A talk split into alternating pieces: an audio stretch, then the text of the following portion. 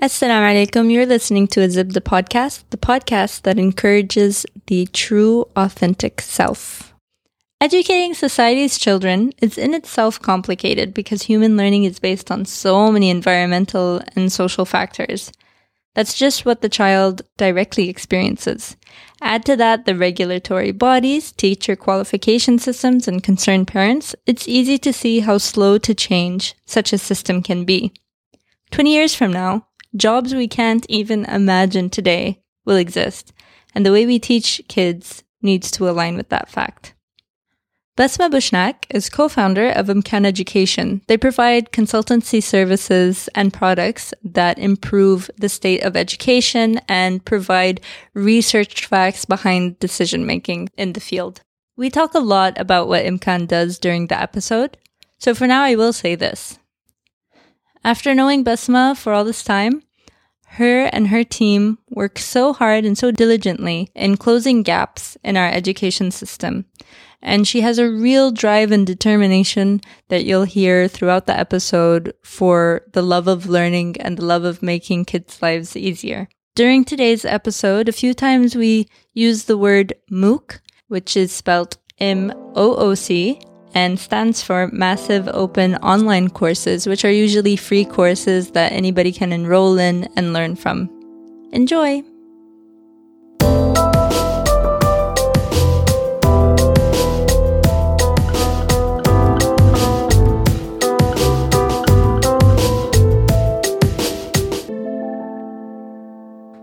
Hi, my name is Khaira, and I love arcade games. Hi, my name is Dima, and I like the color purple. Hi, my name is Bentley, and every sentence is a remix of other sentences. Original way to not say anything. I like it. Hi, my name is Basma, and I'm a workaholic. Hmm. Aren't we all though? Hmm. We are. Aren't we all? This for a really long time was my sec- third, fourth job. So I know a lot about that. Speaking of workaholism, you're working on something really cool. Um, yes, I am. But I want to know when did you start Imkan education? Imkan started uh, three years ago now. Uh, it started when me and my two partners decided that we were fed up from our jobs and we wanted to create something of our own, something that uh, that we were, we were all passionate about, uh, which was education. So that's when we decided that what's the most needed thing in education in Saudi, and then we came up with the idea of school development or education development, and that's where Imkan started. Two years. Yeah, this is the third year. You did a lot. Alhamdulillah, we got lucky. awesome. Uh, our team is amazing. We have an amazing team. They're all workaholics. That's why. I'm feeling a theme. Yeah, With your yes, HR A pattern. Yes, exactly. uh, but alhamdulillah, we were lucky Yeah, we had the right people. We were in the right projects, and I think we have the drive. Mm. We're all drive to to make this change happen. So before Imkan, before all of that, you blew my mind by telling me that when you originally wanted to get into education. Yeah, I I I won't forget that day. It was ثالثة ثانوي. كنت علمي. And uh, it was a math, I think, class. And I was just fed up with the curriculum, the ministry curriculum back then. Um, and I just, you know, stood up in class and said, you know what, بنات, أولادكم ما حيدرسوا هذه المناهج. Wow. أنا حكبر وأصير وزيرة التعليم وأغير المناهج هذه. Inshallah. So yeah, I think that was it. That's awesome. That's amazing. yeah, yeah. That there was a specific. Yeah. And uh, Bentley is also in education. Did you feel like you wanted to become a teacher like from middle school? Uh, actually, yes. And well, in middle school, I wanted No to leave education completely. uh, I, I had a very promising career in football, Okay. um, which I'm currently living right now in an alternative reality. But how would you end up teaching then? so I have kind of a mixed story. yeah. And then come back. Uh, by high school, I was convinced finally that I should be pursuing things I like in the educational system.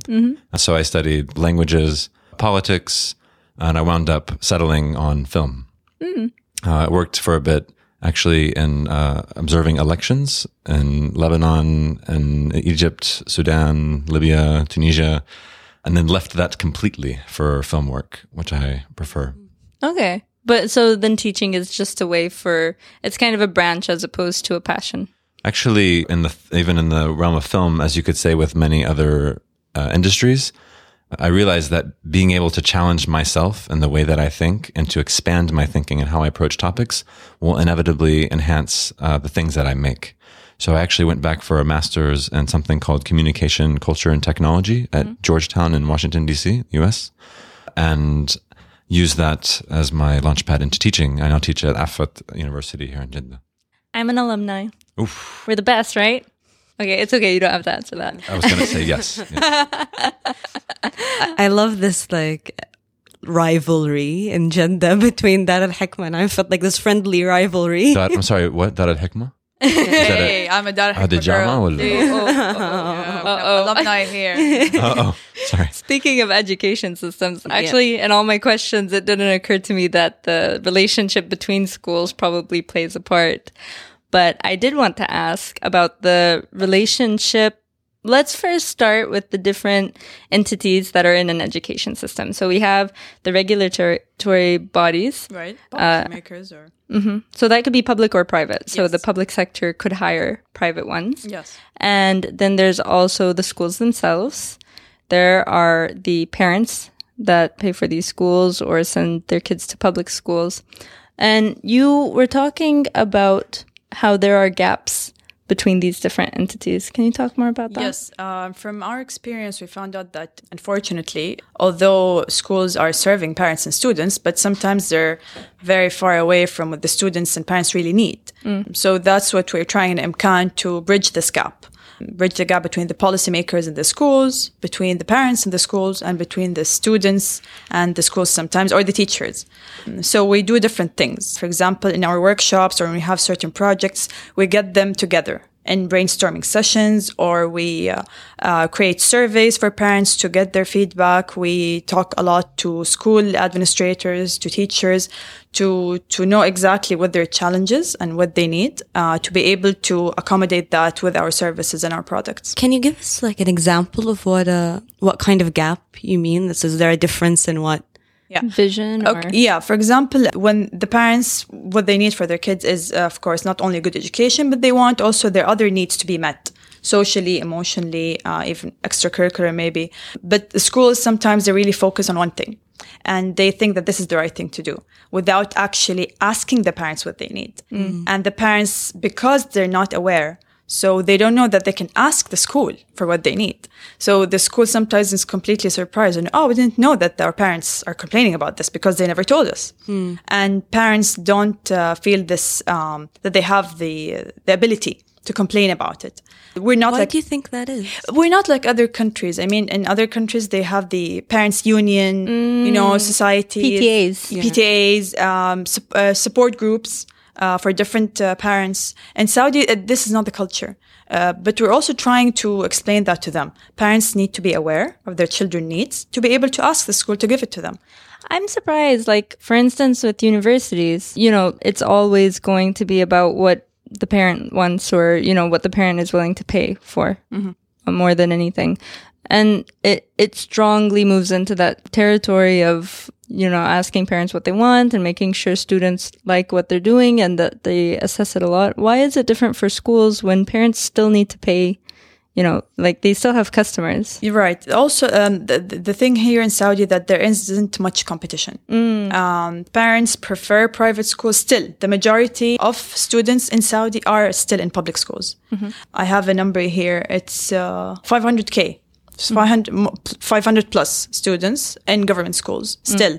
And uh, you have only 70,000 students are in private schools. which in theory wouldn't be bad. Like, for instance, I moved to the States because my brother had autism, and the only school that could help him and did help him mm-hmm. significantly was a public school in Virginia. Yeah. Who would have thought? Yeah, I think probably in America regulation helps add these things, and mm. here maybe because that aspect is lacking, the parents really need to step up as the customers and say and demand what they want hmm. because regulation won't do it for them. Yeah. And usually, like parents step up for little things, like Yeah. daily things, exams, changing Exactly. dates of stuff. But So what we're trying to create is a, a, a- an awareness for parents that you, when even you want to say your opinion about the school, you have to be very objective about it. Uh, this is what we did in our um, application. It's called Madarisna. We created an application for uh, school guide. It's a school guide uh, for Saudi for private international schools. So basically, we have five main criteria that any parent can review his child's school based on this universal criteria. So we're trying to uh, educate them. and the criteria involved is main priority of parents, be it academics, Yes. facilities, teaching and learning, school administration, facilities, and extracurricular activities. Yes, exactly. This is based on a research universal criteria that any school should have and that any parent should be concerned about when he's looking for the right school for his child. So there's a lot of emphasis on the parents, but I also saw on your website that there's a lot of capacity building for teachers. Right, of course. What's that like in Saudi Arabia? Well, we, we still have some uh, challenges facing teachers in Saudi. Uh, for example, a lot of teachers are still moving from the private sector to the government sector uh, because of the better salaries and benefits. Of course, the shorter uh, working hours, that's also for them. There isn't uh, still standards for teachers, but uh, they're working on it. Uh, there's a, um, a commission in Riyadh Public Education Evaluation Commission, PEAK, they're working on the teacher standards. So hopefully it's going to be out by next year. So that will change some, some issues for the teachers and it will definitely improve the teacher uh, standards. And you mean like working conditions or? Everything from their subject knowledge to their teaching skills to their dealing with parents, involvement with the community, everything. Yeah, it's so challenging here because you have such a huge country with a lot of students, and when you have this centralized system, it's really hard.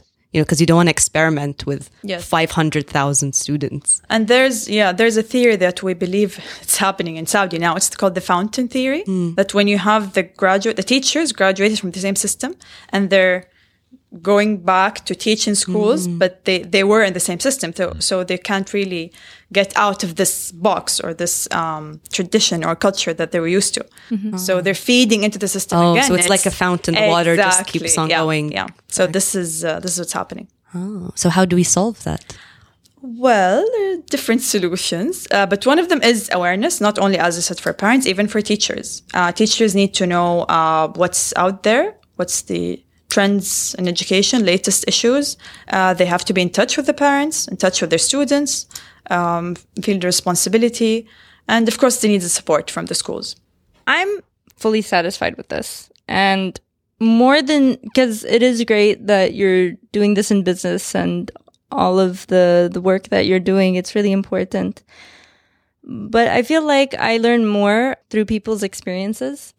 Uh, even though that doesn't make sense because no, you know, you can't learn anything from just talking to one individual. But I'd love you guys' input as to when it came to school, did you ever notice the impact of what the system did to you? And you're, oh, I'm getting a smile from Bentley.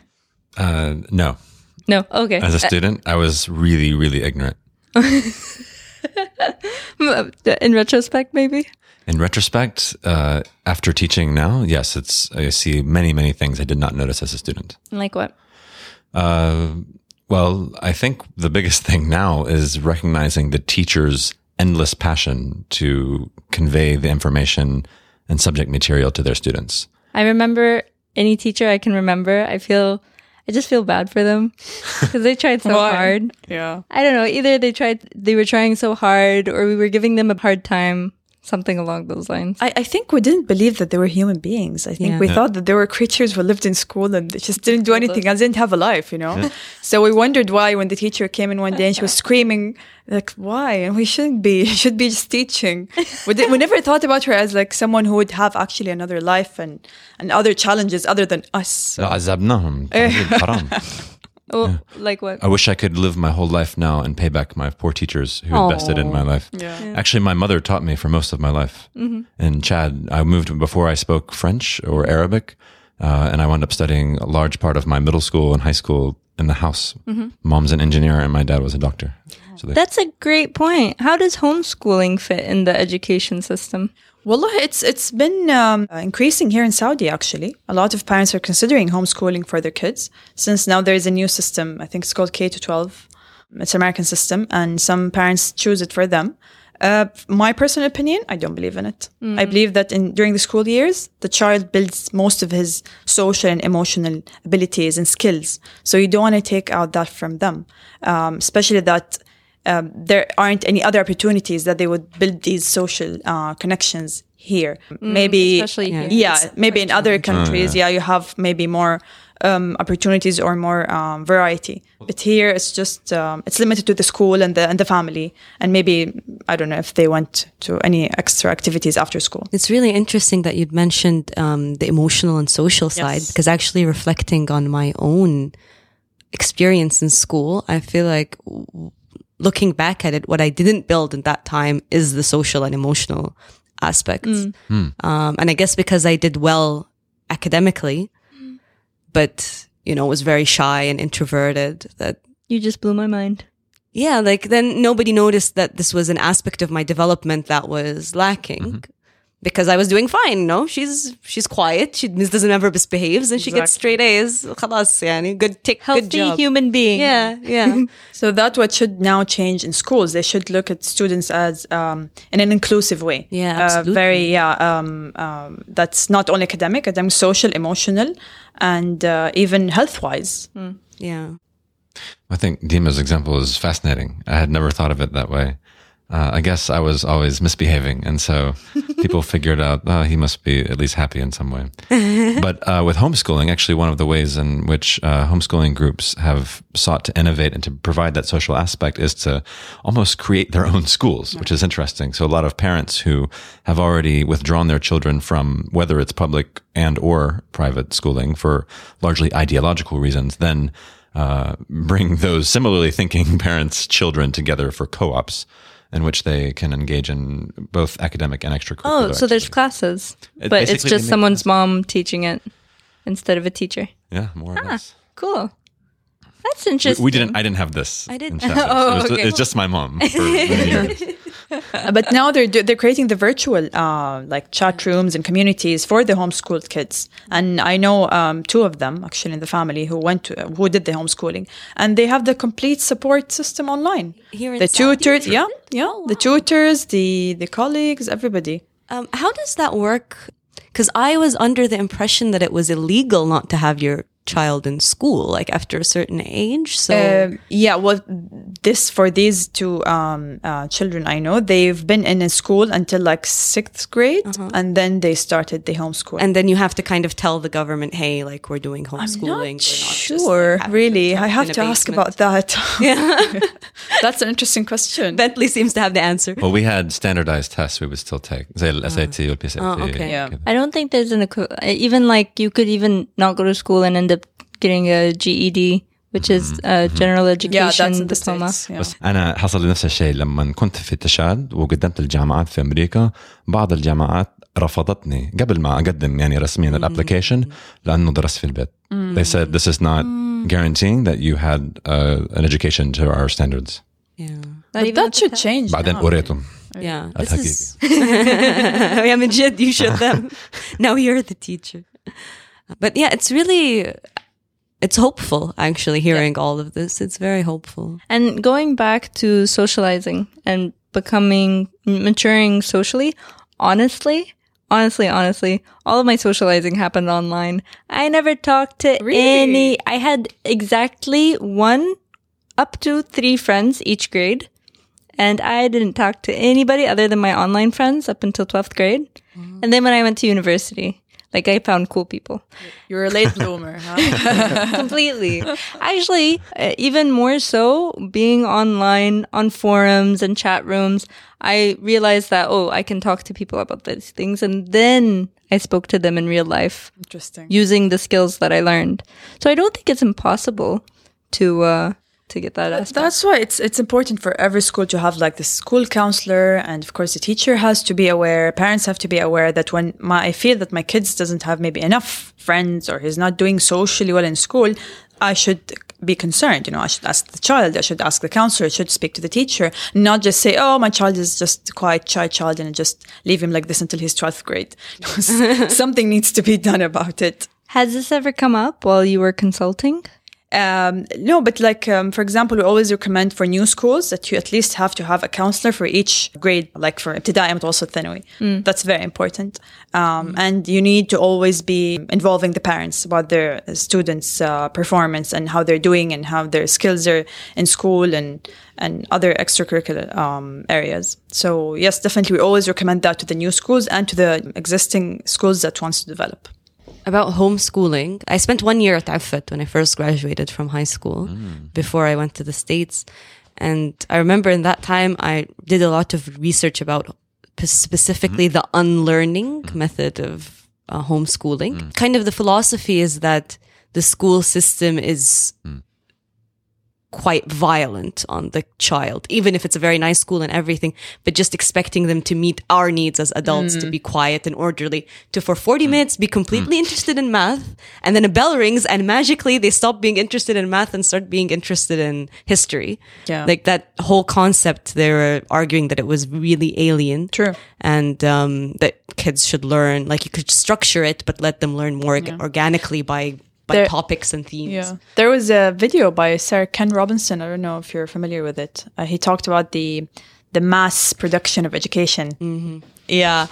When Interrupt, interrupt. I wrote it here. You wrote it? You're stealing my point. But no, no, no, it's a good- interrupt more often. It's it's a good one because this is what they, he talks about. He talks about how in the 80s, uh, schools, you know, just wanted to create these students who thought the same way, who acted the same way, who when you rang a bell, how they were programmed, you know? But then the 2000s came and the millennium and it's totally new uh, challenges. So schools didn't change according to that. Uh, so we're asking our children to be creative and expressive and all of that. But in schools, they still have to, as you said, sit for 40 minutes and um, um, follow rules that aren't logical to them. Yeah. Uh, so that's why now learning has to move uh, towards um, student-centered learning. Yeah. What the student needs, what the student's, uh, uh, what matches his his own uh, learning profile. Uh, this is something new also in education, and we're also promoting it in, in the schools we're working with. Well, it's fantastic because he he mentioned in that talk uh, the question of blame and why why was that transition there at the end of the century into more recent times, and there's the these quick diagnoses of children as oh they're all ADHD today That Yeah. they all use iPads two days after they're born uh, and so of course they can't concentrate in your class and then additional blame uh, it's the school administrator's fault they're not Oh, responding to changes the in blame game, Or it's yeah. it's the teachers. The teachers are not creative enough. They're not engaging students in new and creative ways. And and and he says, and I guess he says it in his accent. He's like, he's like, no, they're the kids aren't concentrating. He's like, because they're children. Exactly. children don't concentrate. That's why they're so resilient, and that's why they explore so much True, because yeah. they don't have to focus on one thing. exactly. Is this connected to the Mawhiba initiative? Yes, uh, I was before I started Imkan. I was uh, the Mawhiba initiative for schools. I was the supervisor for the Jeddah and Western region schools. So this is what we did. We took the gifted students from the government schools and from other private schools, and we gave them scholarships into these schools that uh, matches our Mawhiba criteria, which is an environment that helps build uh, talent and um, improve the abilities of gifted students. Because gifted students don't only need more yani, focus on aca- academics, but also they need someone to uh, consider their emotional and social needs. Uh, so, for example, you said that you're always bored in your classroom. Um, so, I, I'm, I'm assuming that you're gifted. Uh, and you were very bored with the teachers, so that's why you always misbehaved, right? It's a very kind assumption. We'll go with I it. didn't always misbehave. I, I mostly tortured my poor mother. I was good in schools, but my mom, oof, I feel bad for her. And She she invested. Honestly, this is timeout. Uh, let me tear up and thank my mother for all that she did because she actually took education into her own hands for both me and my brother, despite criticisms, um, and not actually out of this sort of ideological choice. It was because, for one, uh, I didn't speak French at the time, uh, and also the school system in Chad in our town was going on strike quite often. So she had to do this, and she's very brave for this. Yeah. Amazing. So yeah, that's why um, schools need to have this, you know, environment that um, encourages, as you said, not only gifted students, but even students with lower abilities, special needs, we call them. So that's why it was important for us to to work on that aspect and also to make parents aware about it. isn't so i'm i'm loving that you mentioned because as soon as you mentioned, I heard or read the word Mawhiba and gifted students, I started thinking of like extra academic extracurriculars and like them doing extra work and getting ahead. And when you mentioned no, actually, it's caring for the emotional needs. Like something in me really like Yeah, that's one of the uh, the the myth about gifted uh, students all, all over the world. Uh, and ah, he's gifted, give him extra work, give him extra homework. He finished early, give him something extra to like do. a punishment. Exactly. So actually, some students really hates it. Uh, or maybe the gifted student would be the, the teacher's assistant. Some students don't really like that. Um, Because so- it singles you out. exactly. It gets you into a lot of trouble. Yes, and- if you're the one that seems like you support the teacher. or you would be like the nerd, or you know all kinds. But of, here, nerds are okay. Mustadfir, Oh, of Dapur course, are of welcome. course. so yeah, it was about supplementary curriculum, extra uh, curriculums uh, in math and science, and it was also about considering their um, emotional needs and social. We they had like um, adaptation plans with the school counselors because most of them came mm. from low social economical backgrounds mm. and they were integrated into private schools. Mm. And private mm. schools had a different social mm, yani, aspect, so yeah. they they needed to be integrated yeah, in that also like new culture. exactly, exactly. Yeah. So yeah, it, it, was an interesting experience actually. Well, do you see that in Effat with the difference between girls that come from scholarship backgrounds and girls that come on their own, or is it not That's, as intense. That one's tough. Well, I was always surprised here uh, how many people have scholarship. Scholarship في البلاد الثانية معناتها شيء يعني جدا نادر. أيوة. You you get scholarship and oh my god, the family celebrates and they like buy you a car, which is still saving them money or something. Right. Uh, whereas here it was, uh, and this taken is for granted. Yeah. it's been taken for granted, but now that's changing. Yeah. Yeah. Yeah. Unfortunately. Yeah, but it's true because like for a while it was just you get a scholarship if you're above a certain academic background. So it doesn't really connote anything about your social class to get a scholarship. Yeah, I, I think that's just yet another way that kids, instead of focusing on education and stuff, they are exposed to whatever social systems there are. It probably plays a big part in like shaping you because once you're you hit that wall of okay, I can't do this because of whatever, be it nationality or be it um, how much you know when everybody goes out shopping and then you're shopping at a very different level than everybody else it uh, it affects kids in a way you know Right. So that's why we try to also encourage parents and schools to uh, to help kids find their own abilities in different ways in sports, in in art, in uh, in music, in language, in writing. So this helps a lot with the self esteem of the kids, and they don't associate themselves with what they own or what they buy hmm. or what they wear. No, but with their own abilities. So that's very important. Hmm. Yeah. is there any research if uniforms do help uniforms mm-hmm. definitely because it, it makes them feel that they're all the same uh, belonging to the same uh, institution uh, unity and of course definitely no social differences except, except in the shoes maybe in the bags and yeah We find the way. Humans find the way to exactly express their status. yeah which is normal i guess yeah, normal to a certain extent I don't know. I don't even remember why we all hated it. I remember I was part of that group that just hated it, and when there was free day to wear whatever we wanted, it was like, yay! oh, all of us. Yeah, all of us. Uh, online uh, options for education today. Um, uh, we cannot ignore, and MOOCs at the university level, but we cannot ignore, and you, it was already mentioned that online education is used for homeschooling, that essentially, with the right guidance, a child through all eight levels of education could obtain the knowledge taught at any school online Right. and largely for free. A lot, of this is the result of sort of the the resu- the results of uh, Khan Academy uh, and then Coursera. MOOCs, uh, Coursera, and many universities actually are are taking initiative to make online courses available to large uh, bodies of students. So we ask, well, what's the difference now between online and not online? Um, still, there's this sort of, uh, I would, the more critical voice would say prestige uh, or pedigree associated with a, an academic academy or university's mm-hmm. name. Mm-hmm. And that that that's uh, the same at middle schools and high schools of private. I was always under the impression it was also because with an online course, like nobody's there to check if you're cheating or not. Which, by the way, if you're there physically, it doesn't change anything. the probability is still. If you want to cheat? You're gonna cheat, right? Um, I, I thought that was the reason. Is that not? Well, in addition to that, I mean, that's a fantastic reason. In addition to that is the idea of feedback and at the individual level, individualized feedback, especially in, in, well, I guess everything could be considered the creative realm depending on how you're approaching it as a student. And that feedback is very important. That's why as an, in education today, uh, I notice my colleagues get the most upset when, uh, when we're given a huge number of students to teach a huge number of classes to teach. Um, I'm teaching, I think last I checked, seven courses this semester. Wow. Uh, and then workshops, 15 workshops on top of that. Uh, it removes time to give individual feedback to students. no students. office hours.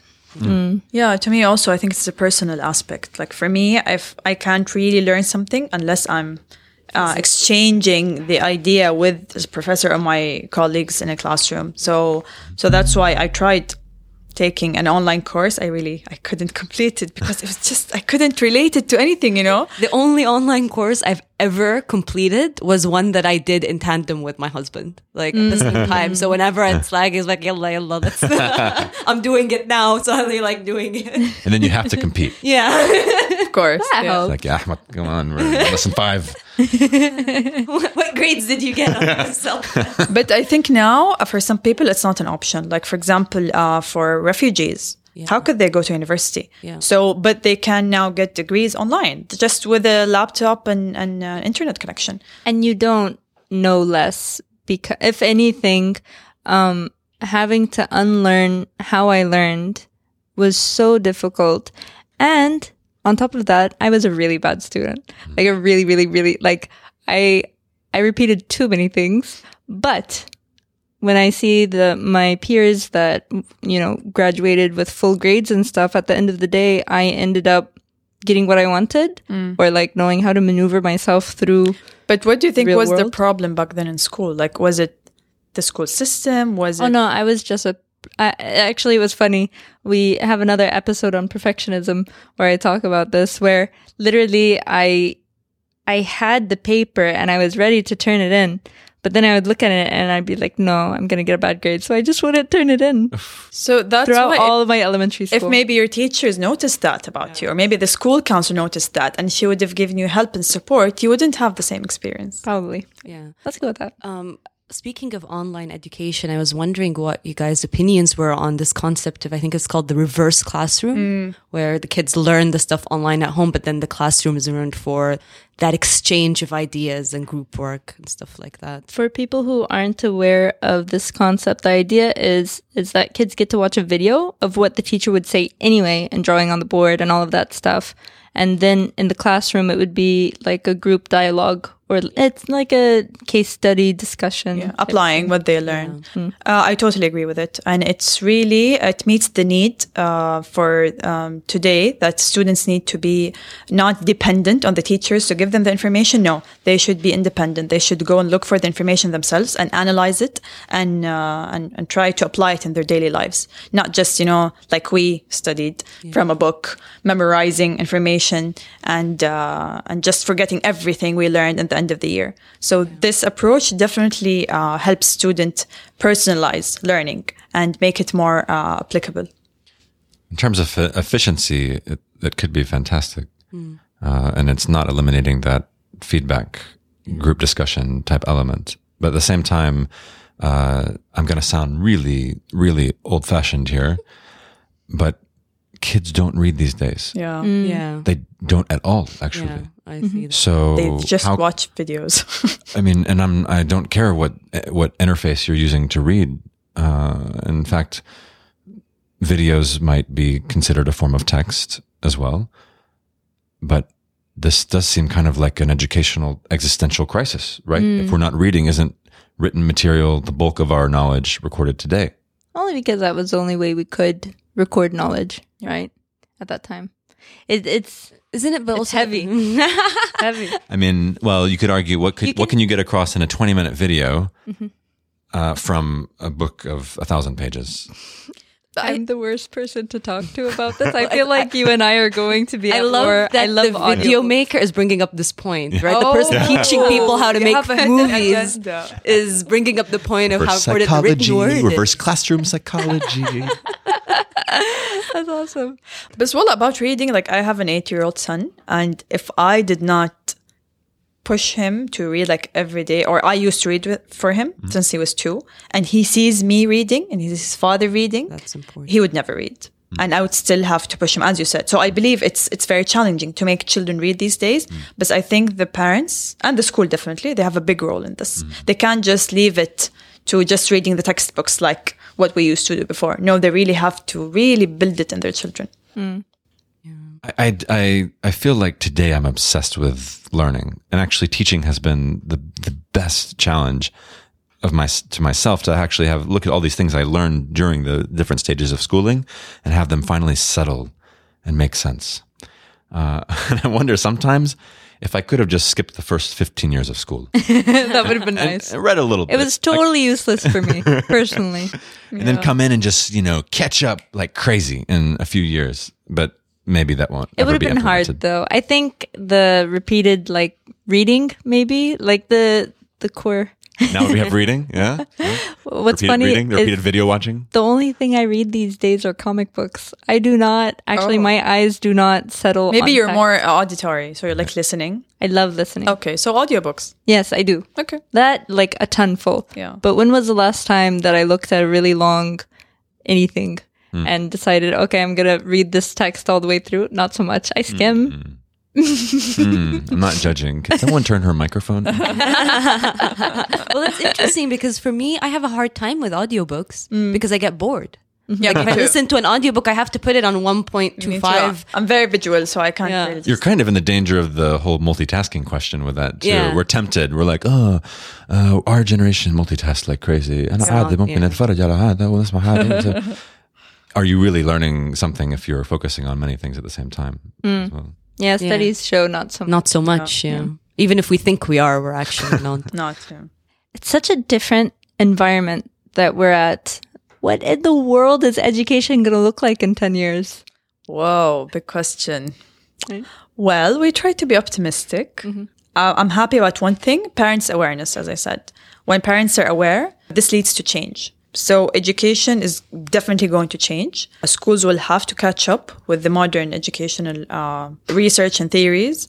And um, it will be, I think, more online, more homeschooling, more uh, personal experiences. And we will see different thing. Maybe AR and VR. Maybe, uh, Dude. yeah. I didn't even think Maybe a hologram of teachers in schools. Maybe, yeah. I, uh, Sky's the limit. How would we throw spitballs at them? Oh my God, Dima. not that I ever did this. I'm just one. How do you feel the spitball? The, I want to bring up like a con, like be a devil's advocate about the parental involvement. Obviously, parental involvement is really important for the student, but for me, sometimes when I see the school and parents get involved, quote unquote involved, it actually makes my life miserable as another parent or guardian because what they're demanding is so opposite of what I'm demanding. Like, be le- more lenient with the homework, you know, let us help them with it, whatever, you know, like, so sometimes I don't know about like I'm just gonna be what do you do with the problem with parental involvement is that there's so many hmm. different kinds of parents with different values. How does that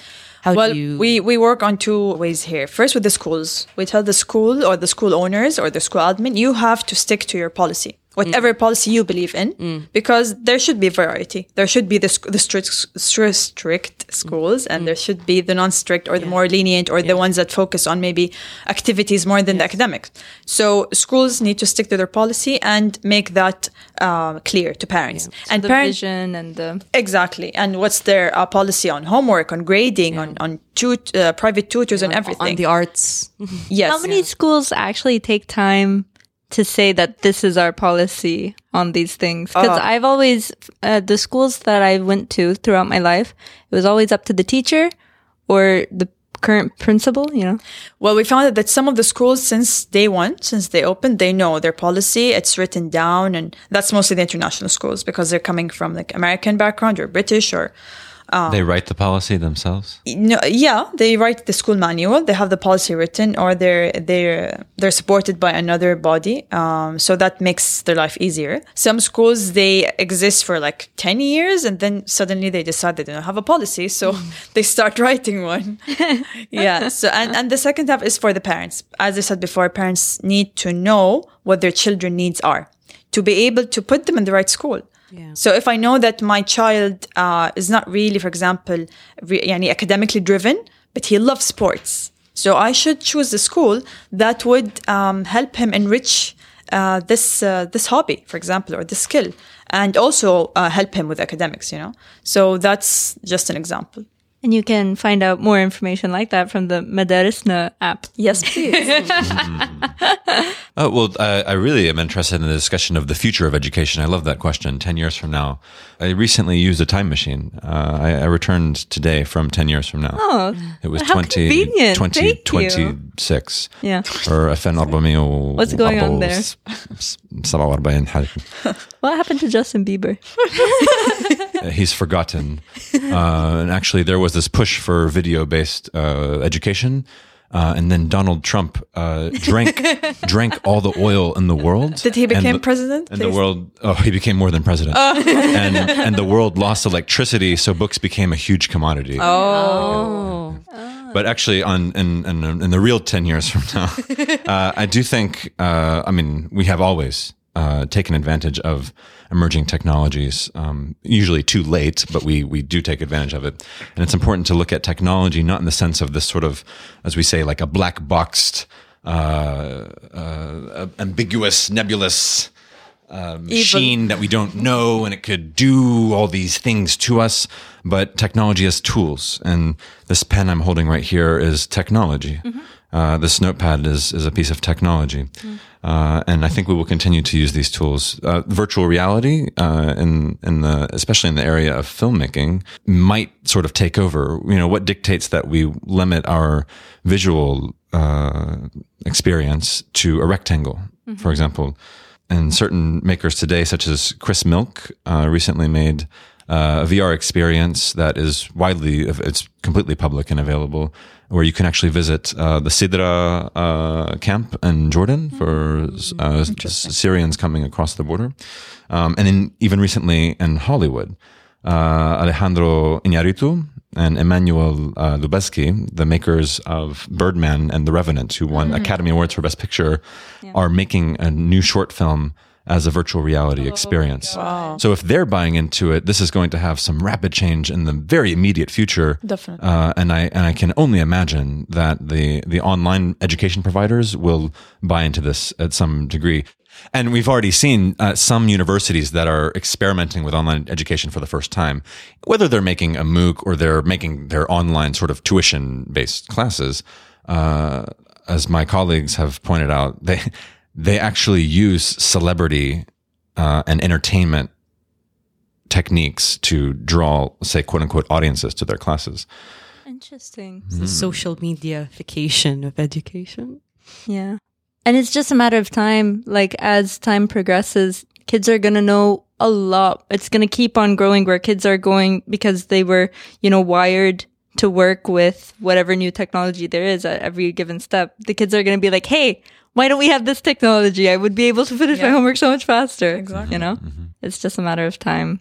There's also one more app that um, comes from Imkan Technologies. Yes. What was it? Actually, it's a platform called Anab. Um, Anab Grapes. is a yes, grapes. Anab. Um, it's for teachers. It's directed to teachers. It's a platform where teachers can exchange their content. So, for example, you're a teacher. Uh, you need a lesson plan or a unit plan or some visual aid for your a lesson that you don't uh, have or you don't have time to create. So you can go on Anab and look for this uh, material and buy it online. And the other teacher who created it would have uh, an extra income. You have So it's a coolest win-win apps. situation. Thank you. so it's a win-win situation, and um, um, the platform is uh, targeting Arab-speaking teachers, not only in Saudi, it's pan-Arab. Uh, so we wanna we want to improve the quality. there was a big reaction Oof, from uh. I'm Jamat Effat. I'll tell you right now, language is every every day. It's an issue. Yes, huge, huge, exactly. huge issue. Especially Arabic, you know, the Arabic resources. Uh, so that's that's a really big challenge for teachers. Uh, so we're trying to cover that also. So inshallah, it's still this. We just launched it two months ago. So The links for this are in the show Show notes, yeah. Awesome. Yeah, there's so check many. out, guys. I'm gonna have to work really hard to put them together. It'll be fun. But most educational show notes on a Zibda ever, let me tell you. exactly. Speaking of a Zibda, it is now time in our uh, show to give a Zibda to the audience. So the first thing I figured out was systems are made of entities and those entities need to support each other. In Saudi Arabia, I don't know if it happens all over the world, but in any system in Saudi Arabia, there's always a competition, even though it's an ecosystem and they use each other, but they're competing each other. And it's just very interesting. Right. I don't know if you have something more to say to that. Uh, yes. So I believe instead of competing, they should be supporting each other and uh, sharing good practice. Mm, Definitely. The second thing that I wrote down was um, parents need to know what their kids need and what schools need. So it like everybody should be thinking of the system of the multiple different people that are involved in it for the sake of the kids. Exactly. It's an unfortunate thing. My uh, even my mom teaches high school in the United States, largely uh, refugees who have arrived for political reasons to the Dallas area. Uh, and it's funny, some of the things that she's experienced are similar to things that I've seen. And even my brother teaches university as well in the U.S. Uh, and that students still they're sort of largely unaware of the things we've talked about today in this conversation. What do you mean? The system They- side? Oh my goodness, the care for their education. They ha- they themselves haven't The bought awareness. into it. They might enjoy things. Oh, At they don't understand that people care about them learning stuff. exactly, and nor will they. Mm-hmm. Nor I don't think it's even really possible for most students to appreciate this until later in life. That's this is a reality. Still, still, students pick up on some things, Hmm. and when students pick up on some things, usually that's an indicator that oof, the school had better be picking up on this as well. Uh, a teacher often will raise that concern, and, and don't forget the teacher's job is to, in some ways, represent the school to the Yeah, student, the and front vice versa. Yeah. Uh, and also just to, to invest a ton of time into students' lives, trying to enrich them in every way possible. So the students, the teachers feel as if they're devoting their lives to the students. The students are looking to the teachers for mentorship and advice and hope. Teachers will raise a concern to the administration, and some administrator may have a similar concern, but now they're one level removed. And now they're one more bit of pressure uh, to like perform, to make sure everything looks good. Exactly. Yeah. Uh, and then you, the higher up you go, the the the more, let's say, long term vision uh, these individuals are tasked with. They may be former educators themselves, um, but we we hear this all the time. Uh, this idea that you know what you're doing, it's fine. بس الوزارة هتفكر شيء تاني. الوزارة تقول لنا إنه you can't do this وكذا. So even though And you don't know. You don't know if they'll say no. It's really Like, like there because I can drew research. this like I was just drawing this diagram and it is ac- exactly represents this idea. So I drew this like chain of hierarchy where like the kids only interact with the teachers and the teachers only interact with the administration. The administration only interacts with the regulation and it's this one way communication. But where is that, you know, the bridge where the teachers can speak to the regulators or the parents and the regulators or the admin, but like that whole environment, which I gathered that Imkan is helping facilitate. Hmm. and even the regulators are reporting to someone. Yeah. And they feel they are reporting the regulators of the regulation, Yes. which which they themselves may not be education sector. Right. So everyone is experiencing something. Everyone feels, ah, it's my burden to improve this, but I must keep it running as a business. Uh, and we're losing something in the in the midst. I think, I th- honestly, I think it comes down to individual moments of uh, of courage and doing the right thing. At the, even for students, sometimes uh, for why, teachers, yeah. for parents. Yeah, that's why education institutions, whether it's higher education or uh, general education, they're a very complex system. uh, a lot of uh, variables affects it, affects its success, and affects the the funding, and affects the uh, um, how the stakeholders are involved, and um, what, what's the experience that they get out of it. So that's why it's a very delicate system, and you need to really be very smart when you're working with them, especially with the if you have other uh, policymakers or decision makers involved outside of this institution, which is the case. Um, so yeah, it is a challenge. It's always a challenge, I think, uh, especially for the service sector. When you have some kind of services, and as you said, the time of crisis, you need to know how to still provide the services that you're providing with the quality you want, and not um, fail at other areas like financially or uh, administratively.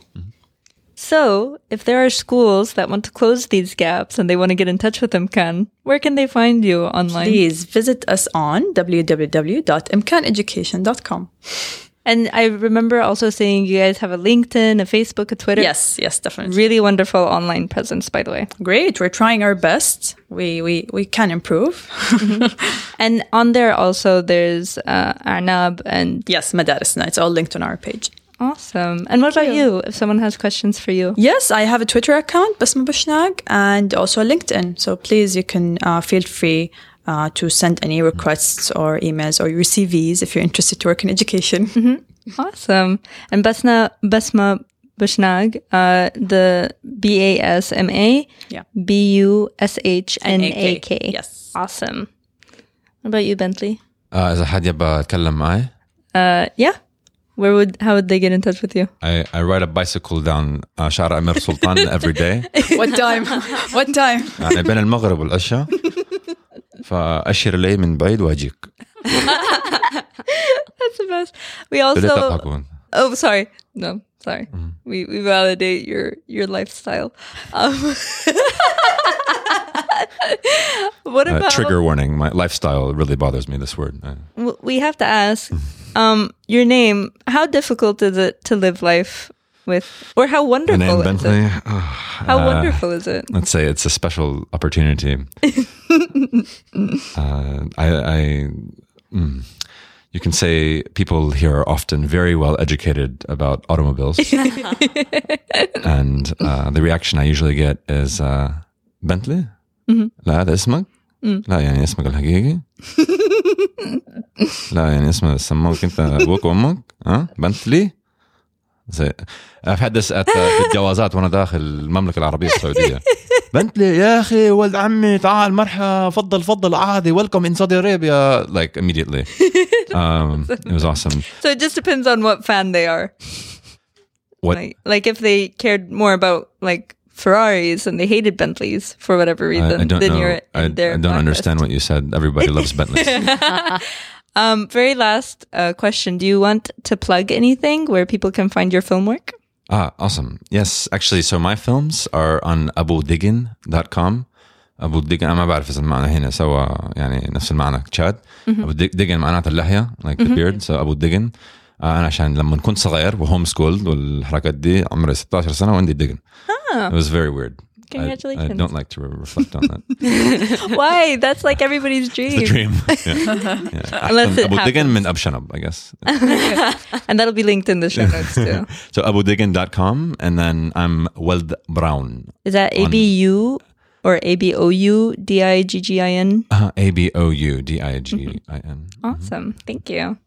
Where can people find you in the world, Dima? Um, people can find me. Okay, they can find me in reality as well, and they can find me on Twitter at at dikhwan d i k h w a n, and on Facebook dima ikhwan. Awesome. Thank you guys. Thank this is you. so much you. fun. Thank you for having us.